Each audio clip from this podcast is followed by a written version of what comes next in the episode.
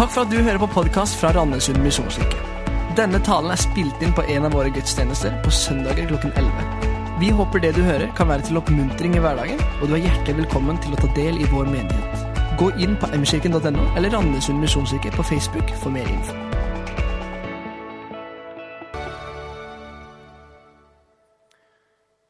Som vi har hørt, så er det i dag en markering av Misjonskirkens dag.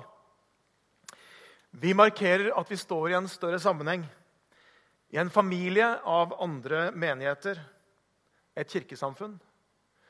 Men det er også en dag hvor vi minnes og minner hverandre på hva er det dypest sett vi er her for. Randesund misjonskirke er ikke bare en kirke. Det er ikke bare en lokal menighet engang, men det er altså en misjonskirke. Og som Øyvind Haraldseid sa her på denne lille filmsnutten for noen minutter siden Det er noe som er viktigere enn hva vi måtte være uenige om.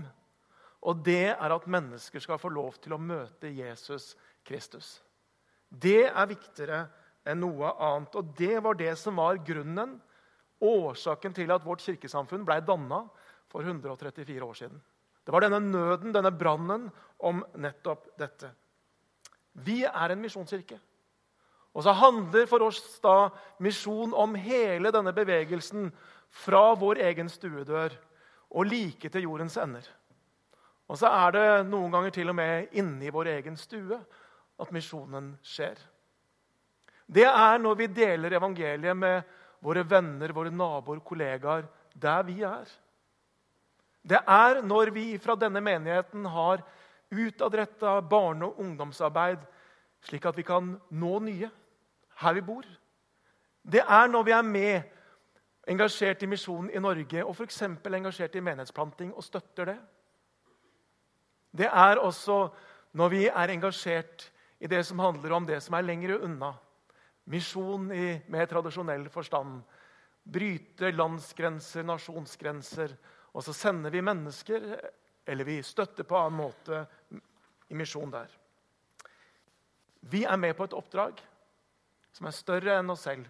Og det er det vi har lyst til å minne hverandre om disse søndagene her, og denne søndagen her spesielt så har jeg lyst til å gi dere et lite glimt. Én historie fra hva misjon betyr i et av de stedene hvor vi har vært engasjert. I Romania, i Kalarassi. Og For noen uker siden så sendte vi noen av våre noen eh, fra vår menighet, ned dit for at de skulle se og møte menneskene, se arbeide og erfare. Trond, du må komme opp, og så skal du få lov til å gi oss et lite glimt. En historie om noe av det dere opplevde der. Vær så god.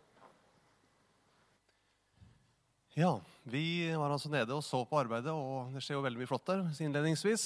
Ser blant annet De bygger eh, små hus for de aller fattigste, som sliter fælt, og som får tak over hodet.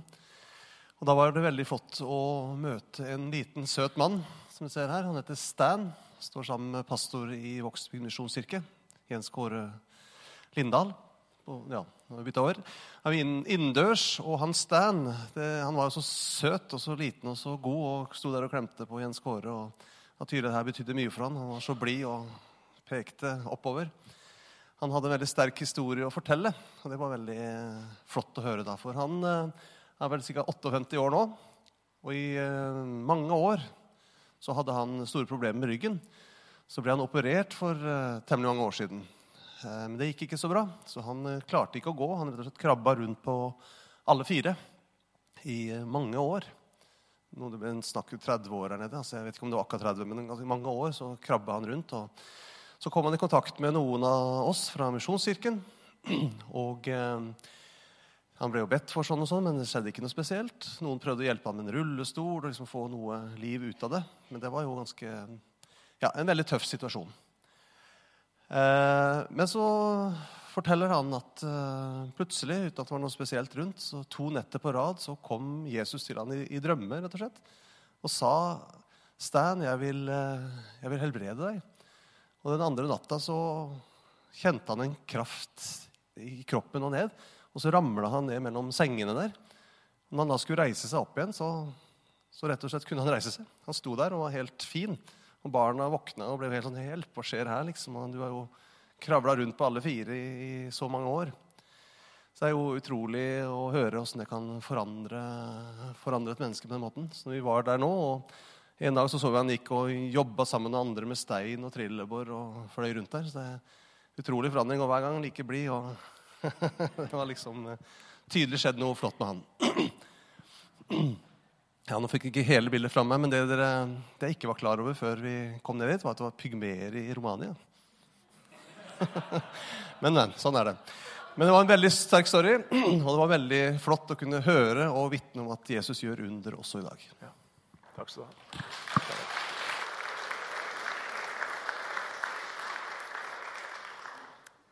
Jeg hadde bare lyst til at dere skulle høre den historien. Stan er en av de som har fått lov til å møte Jesus gjennom arbeidet som bl.a. vi har vært med å støtte her.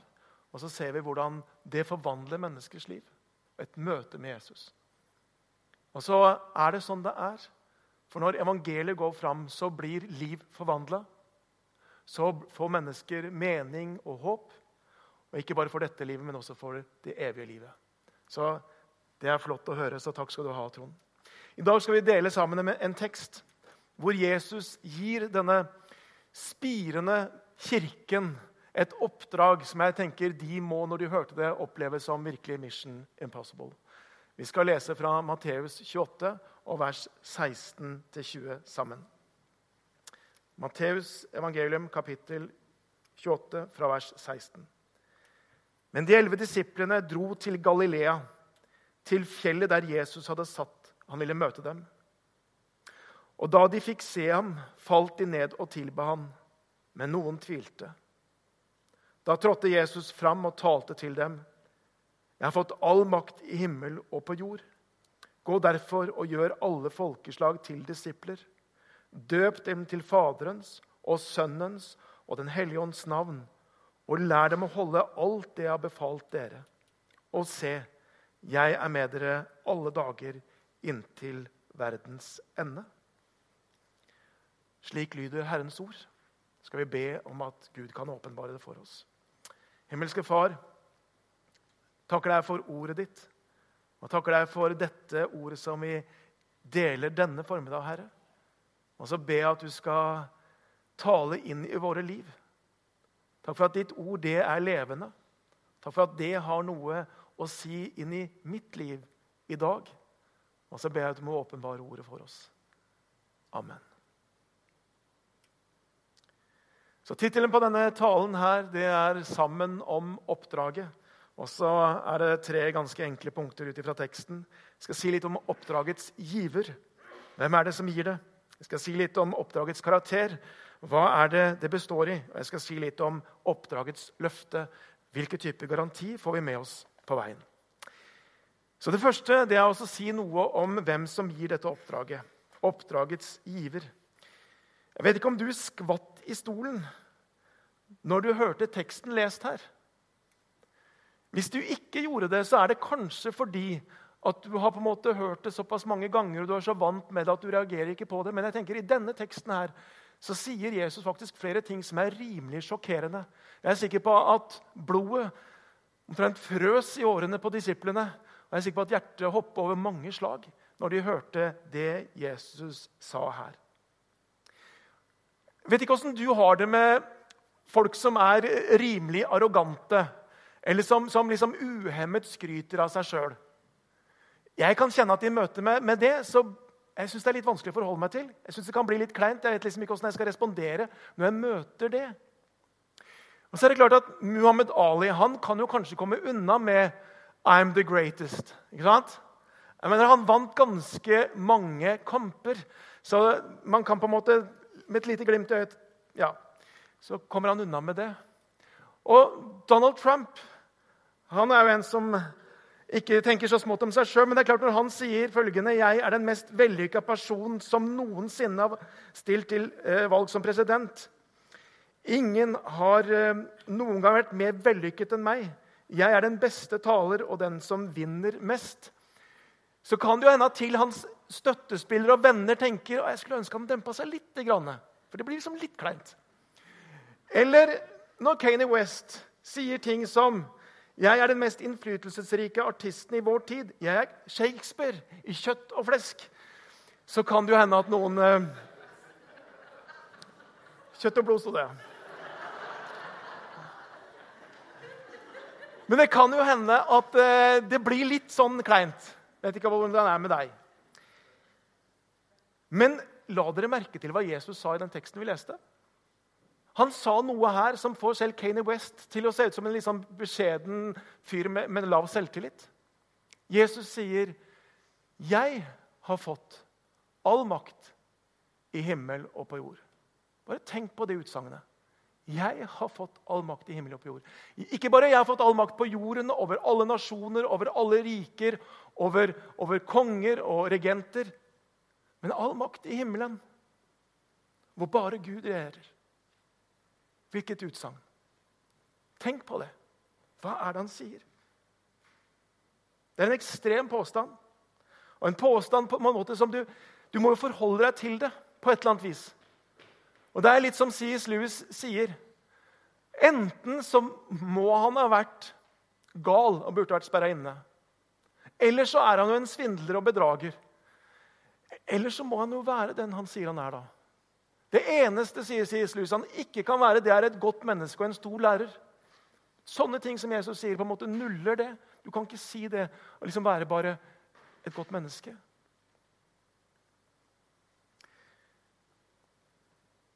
Når Jesus står fram her, så ser vi at det skaper reaksjoner i disippelflokken. Og vi leste Det Det står at noen de faller ned og tilber. Så står det men noen tviler. På en måte så er det ikke så veldig mange alternativer når det gjelder Jesus. Enten så må du falle ned og tilbe for den Gud han er. Ja, eller så må du på en måte vende deg fra han. Og her har vi disipler som strever. Noen faller ned og tilber, og noen tviler. Og det at noen tvilte, at noen av disse jødiske unge menn som er opplært i en tro og en kultur som er den mest monotoistiske kulturen og den mest monotoistiske religionen som finnes, hvor de hele tiden understreker at Gud er én. Det finnes ingen andre guder enn Gud. Det var liksom på en måte ryggraden i deres tro.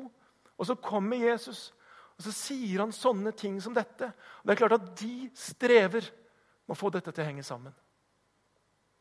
Og noen tvilte, står det.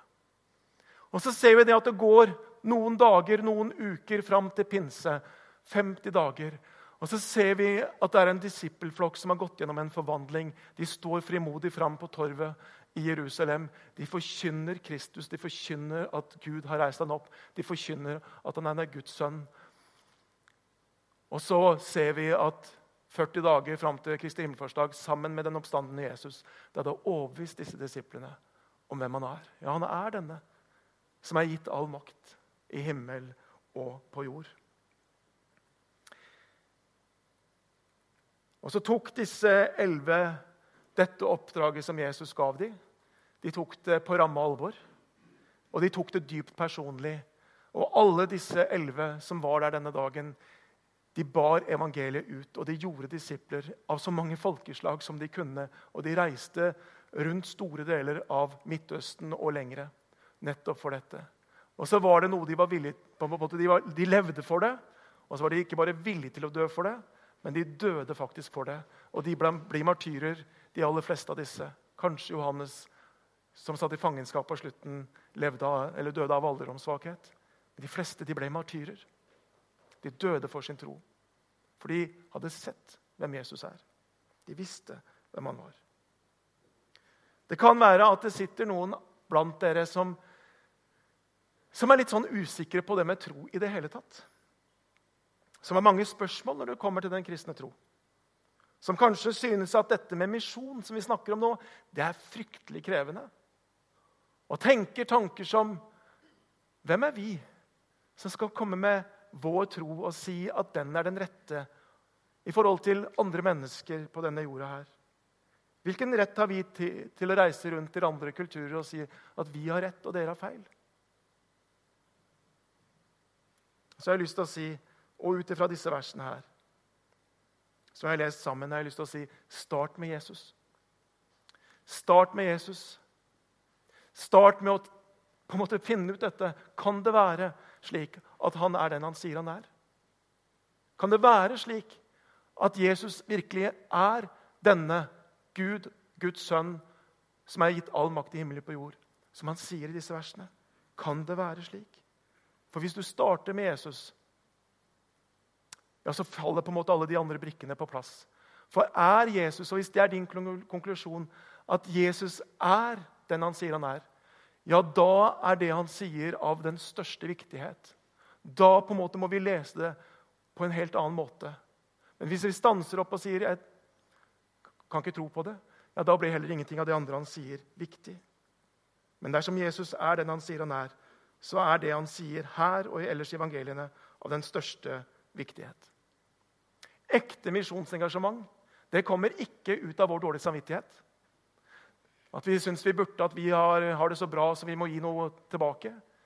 Det kommer ikke ut av frykt, at vi liksom er redd for hva hvis jeg ikke deler eller ikke gir. eller et eller annet sånt noe.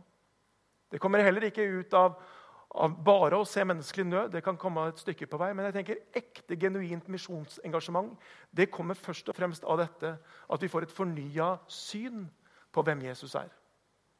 Når vi skjønner hvem han er, ja, så er det noen ting som skjer i oss, som blir et varig og et sunt engasjement for dette. Ekte misjonsengasjement starter med Jesus. Og Jeg tror det er det denne teksten peker på. Jeg tror det er denne teksten viser oss. Så Det var det ene. Det er han som gir oppdraget. Det andre hvilken karakter har dette oppdraget som Jesus gir til sine disipler? Hva liksom består det i? Og Da står det sånn i vers 19 og 20.: Gå derfor og gjør alle folkeslag til disipler. Døp dem til Faderens, Sønnens og Den hellige ånds navn, og lær dem å holde alt det jeg befalte dere.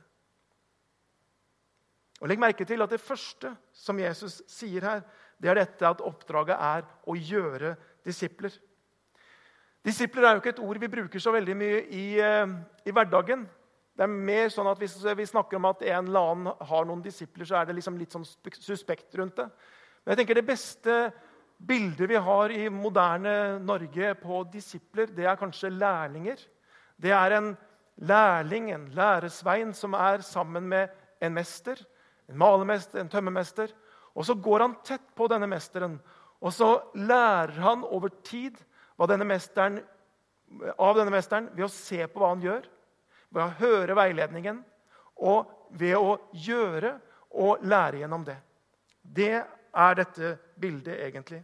Og På Jesu tid så var det både jødiske rabbier og det var greske filosofer som hadde disipler. Og Disse de var så tett på sin mester. De sugde til seg av alt de kunne lære. Og så var tiden plutselig moden der hvor de kunne få lov til å ha egne disipler. Men de var tett på mesteren. Det er en nær relasjon. Og jeg tenker Det er dette bildet som Jesus holder fram og sier en sånn relasjon er det jeg vil ha med hvert eneste menneske. En sånn relasjon. Jesus har aldri bedt oss om å på en måte skape en fanskare for ham eller konvertitter eller medlemmer i et trossamfunn. Men han har bedt oss om å gå og føre mennesker inn i en sånn nær, intim relasjon med Jesus selv. Det er det bildet Jesus bruker. Fra jødiske kilder så vet vi noe om hvordan en rabbiner, en jødisk lærd, og disipler, hvilken relasjon de hadde, og hvor tett den relasjonen var. Disippelen bodde gjerne sammen med sin mester, sov der han sov, spiste der han spiste. Disippelen kom så nær innpå sin mester at de lærte etter hvert hva er det som gjør mesteren sliten. Når trenger han å hvile? Når går han på do? Det var tett på, det var intimt og det var personlig. De kunne kjenne hva mesteren hadde spist, om det var hvitløk i ånden, eller om kanskje han fasta en periode. De kom tett på. Og mesteren på den samme side han kunne sense om disiplene hadde en god dag, en dårlig dag, om de var ukonsentrerte. Og så tenker jeg, så er det fantastisk at det er dette intime relasjonen og intime forholdet som Jesus ber oss om å bringe mennesker inn i. Det er en sånn relasjon Jesus vil ha med alle mennesker. Vi skal gjøre disipler. Og så I denne bevegelsen så peker Jesus her på to sider av det. Og Det ene er å døpe dem. Det står Døp dem til Faderen og Sønnens og Den hellige ånds navn, og lær dem å holde alt det jeg har befalt dere. Døp dem. Hva handler det om? Jo, det handler om å eksponere mennesker for Jesus. Forkynne Kristus. På en sånn måte at de føres til et punkt hvor de tenker vet du, det livet har jeg lyst til å få del i. Og så er det en omvendelse, en avgjørelse, og så erfarer mennesker å gå fra død til liv. Fra lys til mørke. Og dåpen er jo nettopp det dåpen illustrerer. Ikke sant? Dåpskandidaten går ned i vannet. Og så den som da døper, han legger vedkommende ned under vannet. Vannet lukker seg over. Og Romerbrevet 6 sier at vi begraves med Kristus. Vi er på en måte i prinsippet døde der under vannspeilet. Og så reises dåpskandidaten opp. Og så sier Romerbrevet 6 vi gjenoppstår til et liv sammen med Jesus. Leve oppstandelseslivet sammen med ham. Det er det dåp handler om. Jesus frontstiller dette oppdraget om å bringe mennesker til han og i Kristus til mennesker. Og Han gjentar det igjen og igjen. I evangeliene så avsluttes de alle fire med en misjonsbefaling. Og så har vi en til i apostlenes gjerninger. Så igjen og igjen sier han det. I Matteus her så står det 'Gå derfor og gjør alle folkeslag til disipler'. I Markus 'Gå ut i hele verden og forkynn evangeliet'. I Lukas 'I hans navn skal omvendelse og tilgivelse for, for syndene forkynnes for, eh, for alle folkeslag'. I Johannes 'Som Far har sendt meg, sender jeg dere'. I Apostelens gjerninger 1.: Og dere skal være mine vitner i Jerusalem og hele Judea, i Samaria og helt til jordens ender. Igjen og igjen og igjen og igjen så understreker Jesus dette på ulik måte. Og Hvorfor det? Han høres jo nesten ut som en sånn masete tenåringsforeldre. Syns du ikke det? Ikke sant? Når vi maser på dem om å si 'Må du huske gymtøy, da?' 'Ta med deg nista.' Ikke sant? 'Husk jakka.' Hvorfor sier vi det igjen og igjen? Ja, Det er fordi at vi vet at tenåringer de glemmer og glemmer og glemmer. Ikke sant? Nista ligger igjen. Ja. Og Så får vi en telefon. 'Å ja, du glemte gymtøy. Skal vi komme og levere det?' Og så tenker vi, Hvordan er det mulig Hvordan er det mulig å gå over gymtøyposen i gangen og gå på skolen uten å få den med? Hvordan er det mulig? Jo, det er mulig fordi tenåringer de glemmer og glemmer og glemmer. Beklager til dere som er tenåringer. her. Det gjelder sikkert ikke dere.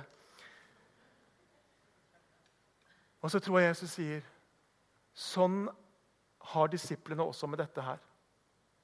Er det noe vi som kristne, som troende, som disipler glemmer lett, så er det dette perspektivet. At vi er her for å bringe evangeliet videre. Det glemmer vi og glemmer og glemmer. Derfor så gjentar Jesus det nesten som en masete tenåringsforeldre. For han vet at dette lekker så fort ut. Dette perspektivet det mister vi så fort. For det er sant. Etter å ha vært pastor i 100 år, eller i hvert fall 30 snart, så er min erfaring dette. At hvis ikke vi har dette helt øverst på vår prioriteringsliste som menighet eller som troende, så kommer det langt, langt, langt ned, og kanskje det er utenfor lista. Hvis ikke vi har det helt på topp Det er derfor jeg tenker det er derfor Jesus frontstiller det på denne måten. her. Han sier ikke mist dette av syne. For alt i verden, ikke mist dette av syne. Det andre Jesus peker på, det at vi skal for å gjøre disipler, er dette at i tillegg til å la mennesker få et møte med Jesus og ta et valg og ta et standpunkt, ja, så må vi lære dem opp i troen. Og Så sier han i vers 20.: Og lære dem å holde alt det jeg har befalt dere. Å bli gjort til disippel, det er en prosess. Det er en vekst, det er en modning hvor vi trenger å få formidlet kunnskap. Vi trenger å gjøre erfaringer. Og det tar faktisk tid, dette her. Lære dem å holde. Det er noe vi må være i. Det er en modning og det er vekst. Det er ikke på en måte en sånn punktuell greie. Vi tar imot Jesus, så kan det gå fort. Men å bli gjort til disippel, det tar tid. Det finnes et alvor i det. For det er ingen selvfølge, det å ha en god start og det å fullføre dette løpet. Det er ingen selvfølge. Det er faktisk sånn at du kan enten ha en oppvekst i en kristenhjem og gå alle gradene i menigheten, men allikevel, på et eller annet tidspunkt, så var det ikke tro som holdt. Eller du kan ha en sterk opplevelse med Jesus på en eller annen leir og komme på en måte eh, fra mørke til lys og ha en erfaring av det. Og likevel så famler denne opplevelsen på et eller annet tidspunkt fordi man ikke ble gjort til disipler. Og det er det et alvor i. Roald Seifert han eh, har inntil nylig vært eh, leder for Ung Baptist. Og Han har skrevet en masteravhandling i 2018 hvor han har forsket på barne- og ungdomsarbeidet hos misjonskirkene, baptistkirkene og pinsekirkene, eller pinsebevegelsen. De tre kirkesamfunnene. Og så har han forsket på, på en måte, hvordan kommer og på hvilket tidspunkt er det ungdommer, barn og ungdommer blir registrert inn i våre systemer. Og når er det ikke lenger vi kan finne de i våre systemer. Så finner han noe veldig interessant. og Det ene det er at den kirken av alle disse tre kirkesamfunnene som har det desidert største barne- og ungdomsarbeidet registrert, det er Randesund misjonskirke. Han sier by far. Mye mye større enn noen av de andre kirkene. Og han sier det er helt klart den største, på en måte, største barne- og ungdomsarbeidet i Frikirke-Norge. Kanskje også i Norge, inkludert statskirken. Det, og I løpet av syv år som han har da forska på, så har vi hatt 1000 barn, over 1000 barn og unge registrert inn i vår menighet. Det gir oss en fantastisk mulighet i vår menighet. Og Det skal vi være klar over. Det gir oss en fantastisk mulighet til å presentere Jesus for barn og for ungdom på en sånn måte at de får et liv med ham. Det gir oss den muligheten, og det ønsker vi å takke Gud for. For vi har fått det. Og Vi ønsker å også ta det ansvaret på alvor. Bare for noen få glimt. Men vi vet at i løpet av 2018 så har 35 tenåringer på loftet tatt imot Jesus. 35. I løpet av 2018 så har 15 studenter på Touchpoint tatt imot Jesus. Det er 50 mennesker som har fått et møte med Jesus, som har tatt et valg om å leve sammen med ham. Og Så er det ikke bare nummer, men hver av de numrene representerer en historie. Slik som denne, en mail som Marius fikk fra en mamma. Og Jeg skal lese den, og vi har fått lov til å lese den her. Hei, Marius. Først vil jeg takke for den jobben dere gjør med konfirmantene. Vår datter kom hjem begeistret fra Vegårtun. Hun hadde tatt et valg om å ville følge Jesus. Og På skolen på mandag kommenterte venninnene hennes at hun pratet så mye om Jesus. Her vi bor, er det ikke kult å være kristen. Det er en fantastisk jobb dere gjør med å skape en begeistring. Tenkte det var gøy for dere å høre hva som skjer. Én sånn historie, og så er det mange sånne historier. Av unge mennesker som får lov til å starte en vandring sammen med Jesus. Men det er en annen side ved denne historien, og det er en annen side også som Roald Seifert avdekker i sin masteroppgave, og som vi ser gjennom vår erfaring og det er at veldig mange barn og unge som har vært aktive i vår menighet, i tenåringsårene, på ungdomsskolen og i starten på videregående Når du kommer litt oppi der, så er det mange som vi ikke lenger ser. Og det er mange som mister troen. Troen overlever ikke, overlever ikke russetid, studietid og det at de begynner i et voksent liv. Og jeg tenker Det er krise. Det gjør så vondt. For vi har ingen å miste. Og Jesus har ingen å miste. Og Derfor så er det så viktig at vi faktisk har fokus på dette også, som handler om å lære dem å holde. Og gjøre dem til disipler. Og så gjelder det jo ikke bare ungdom og barn, dette. Men det gjelder jo for alle. Det er ingen selvfølge om vi har hatt en tro en gang, at det er noe som på en måte bare fortsetter å leve i oss. Nei, Det handler om å få noen gode vaner det handler om å være del i fellesskap. Gudstjenestefellesskap, smågruppefellesskap. Ha noen rundt som kan støtte en. Det handler om å være tøff nok til å være motkulturell. For det kommer.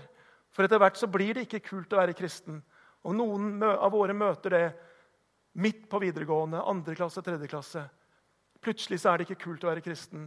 Det som egentlig var ganske kult når de gikk på ungdomsskolen. Eller på student, i studentlivet, hvor de møter utfordringen også intellektuelt. Vi må lære dem opp at de kan få lov til å stå der. Være motkulturelt, være ukull når det trengs, være annerledes når det trengs, ta andre valg. Hvis ikke, så vil ikke troen klare seg. I løpet av 2017 så hadde vi i menigheten her en lengre prosess. Og Vi stilte spørsmålet ganske dypt og ganske breit. Hva er det vi skal være?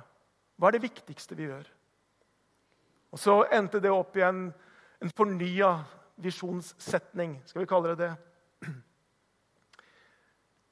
Og Vi sier at vi ønsker å hjelpe mennesker til tro på Jesus og et liv med han. Vi ønsker å hjelpe mennesker til tro på Jesus og et liv med han. Og vi ønsker å frontstille dette i vår menighet. Det er det vi er her for. Hjelpe mennesker til tro. Så mange av de tingene som på en måte vi gjør, eller hvordan vi tenker når vi leder denne menigheten, det er med utgangspunkt i dette. Det er det viktigste vi gjør. Hvordan kan vi hjelpe mennesker til å møte Jesus? Og så er det det andre som er like viktig. Og det er hvordan kan vi hjelpe dem til å få et liv, et bærekraftig liv med Han. Hvor troen ikke blir noe som var en greie i barneår eller tenåringsår, men hvor det blir en drivkraft i deres liv for resten av livet. Vi må gjøre det, og vi må gjøre begge disse delene. Det er det vi ønsker å være som menighet. Det er oppdraget vi har. Jeg tenker Vi står midt i det oppdraget som Jesus gir oss. Matteus 28. Og Det er det vi er her for. Teksten vi har lest i dag, som vi ofte kaller misjonsbefalingen, har et mønster nesten som en sånn juridisk avtale, eller en pakt, om du vil. For Først så sier det noe om autoriteten til han som kommer med befalingen. Meg til all makt i himmelen og på jord. Og Så sier det noe om hva oppdraget er. Gå og gjør disipler. Døpe dem og lære dem. Og så er det også på en måte en sånn gjenytelse. da. På en måte Det er et løfte som følger med. Det er en type garanti som ligger i denne avtalen. Og hva er det? For det første så har ikke Jesus lovet oss en lett tilværelse. At det skal være veldig lett og enkelt. Det var det ikke for de elleve disiplene som hørte det første gangen. Og det har det heller aldri vært for den kristne kirke oppover. Det har aldri vært den letteste veien. Jesus snakker om den smale veien og ikke den breie veien. Det har ikke vært lett. Vi har heller ikke lovet i denne teksten suksess. Det er ikke sånn at Hvis vi bare gjør dette, så, liksom, så vil vi se masse frukter og masse vekst. og alt mulig. Nei, det er ikke det han lover. Jeg tenker Noen ganger så ser vi resultatet av arbeidet. Men det er mange som vært pionermisjonærer i nye land, som ikke har sett noe resultat på 10 år, 20 år, 30 år. Kanskje ikke så lenge de levde der. Det er ikke det han lover. Det er heller ikke et lover et fravær av lidelse. Tvert imot. Er det noe vi har fått løfte om, så er det faktisk at vi skal, ja, vi skal møte tøffe ting og trengsler. Men Jesus gir et løfte, og det er dette. Og se, jeg er med dere alle dager inntil verdens ende. Det er hans løfte om et nærvær og en tilstedeværelse i våre liv, i våre menigheter. Det er det han lover oss. Vi skal slippe noen gang å erfare at Gud forsvinner fra oss. Han har lovt å være med alle typer dager og alle dager til verdens ende. Det er det løftet han har gitt.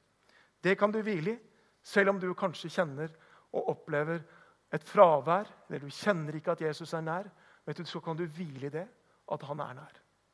Det er løftet han har gitt, han som sier 'meg er gitt all makt i himmelen og på jord'. Han lover det. På korset så gir Jesus sitt liv for oss. Og så erfarte han noe på korset som er mye mye verre enn piskeslagen han fikk. Tornekronen som ble tredd nedover hans hode. Spikerne som ble drevet gjennom hans håndledd. Det er noe som var verre enn det, og det var at han erfarte at Gud ble borte for ham der han hang på korset. Han erfarte at Gud ble borte. Han som har vært så avhengig av å leve nær Gud. Der ble Gud borte.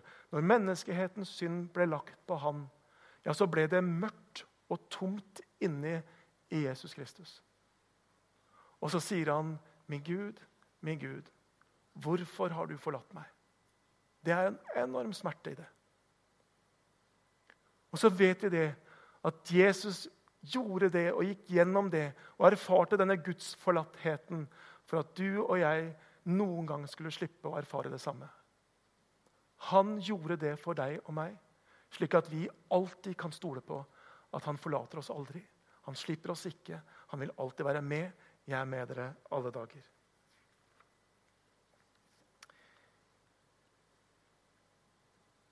Jesus har gitt oss et oppdrag. Han ga de elleve det oppdraget. Og Den kristne kirke har alltid lest Matteus 28 som et oppdrag til kirken i den tiden de er. Og slik tenker jeg det er et oppdrag også til Randesund misjonskirke. Dette vi leste i dag. Det er vårt oppdrag. Og så er det ditt oppdrag. Så jeg har bare lyst til å bruke denne påminningen som du har fått i denne dagen her, til å tenke igjennom. For det første hvilket syn har jeg på Jesus? Hvilket perspektiv er det jeg har på han? Kanskje trenger du å få fornyet ditt syn på hvem Jesus er. Det andre du kan spørre, det er på hvilken måte er jeg i dag involvert i dette oppdraget?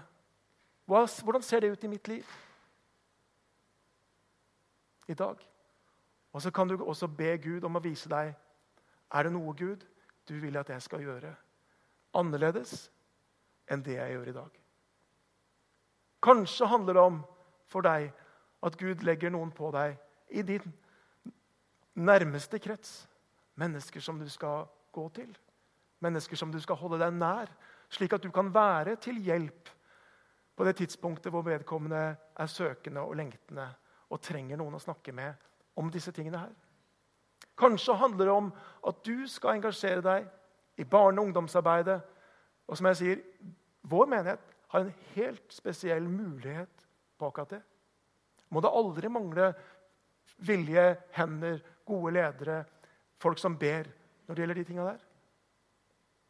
Kanskje handler det om at Gud legger på deg at du skal flytte til et sted hvor det ikke finnes levende lokale menigheter. Vi har planta en menighet, Ytre Randesund. Vi ønsker som menighet å plante flere menigheter. Vi ønsker å se flere levende fellesskap lokalt rundt omkring. Kanskje legger Gud det på ditt hjerte. Eller kanskje Gud minner deg på at du skal gi på en måte som du aldri har gitt før. Tømme sparekontoen, prioritere helt annerledes, sånn at du kan være med og se at evangeliet går videre. Kanskje skal du være involvert, engasjert, eller kanskje skal du til og med reise ut til et annet sted, til et annet land. Sånn som familien Bredvei gjorde for et år siden. Kanskje det er det Gud kaller til deg til. Jeg vet ikke det. Men Gud vet hva han ønsker for ditt liv, og hva han planlegger for deg. Bruk denne påminningen til å tenke gjennom nettopp de tingene der. Vi skal gjøre sånn som vi pleier. Vi skal ha tid til respons. Og vet ikke hvordan det er med deg, men jeg tenker i dag er det en god mulighet til å be. Det er en god mulighet til å bli bedt for. Det er noen i bønnerommet som vil være sammen med deg og be. Jeg vil stå her oppe. Har du lyst til å komme fram og du har bare lyst til å jeg vet ikke helt, men du har lyst til å bli velsignet eller bedt for, så kan du komme til meg her oppe. Kanskje kjenner du på en nød. Kanskje er det noen du tenker Der tror jeg troen holder på å glippe. Så kan du tenne et lys på lysgloben, og så kan du legge det fram for et bønnebarn eller den du tenker på. Eller du kan skrive en lapp på bønnelappene og legge i krukka. Og så vil du være sammen med å be for det. Men vi bruker noe tid nå mot slutten av gudstjenesten til å reflektere og la Gud tale inn i våre liv. Jesus han er her. Han vil noe med vår menighet, men han vil også noe med den enkelte av oss som er her. Skal vi be. Kjære Jesus Kristus. Takk for at du taler. Takk for at du talte den gangen, men du taler jammen meg også i dag inn i våre liv. Og så kjenner du oss, og så vet du om alt, Herre. Og du ser utfordringene vi har, og du ser også de mulighetene vi har der vi er. Og så har jeg bare lyst til å be om at du skal komme nær oss. At du skal tale tydelig, Herre. At du skal minne oss på både hvem du er, og hva du vil med våre liv, Herre. Kjære Jesus, jeg har lyst til å be for vår menighet, og så takke deg for de mulighetene som vår menighet er gitt. Og så ber jeg at du skal hjelpe oss til å virkelig ta vare på det. De åpne dørene som står der, Herre. Må du hjelpe oss. Må du lede oss. Og så takker jeg deg for at ditt løfte er at du er med oss alle dager inntil verdens ende. Det kan vi hvile i, Herre. Amen.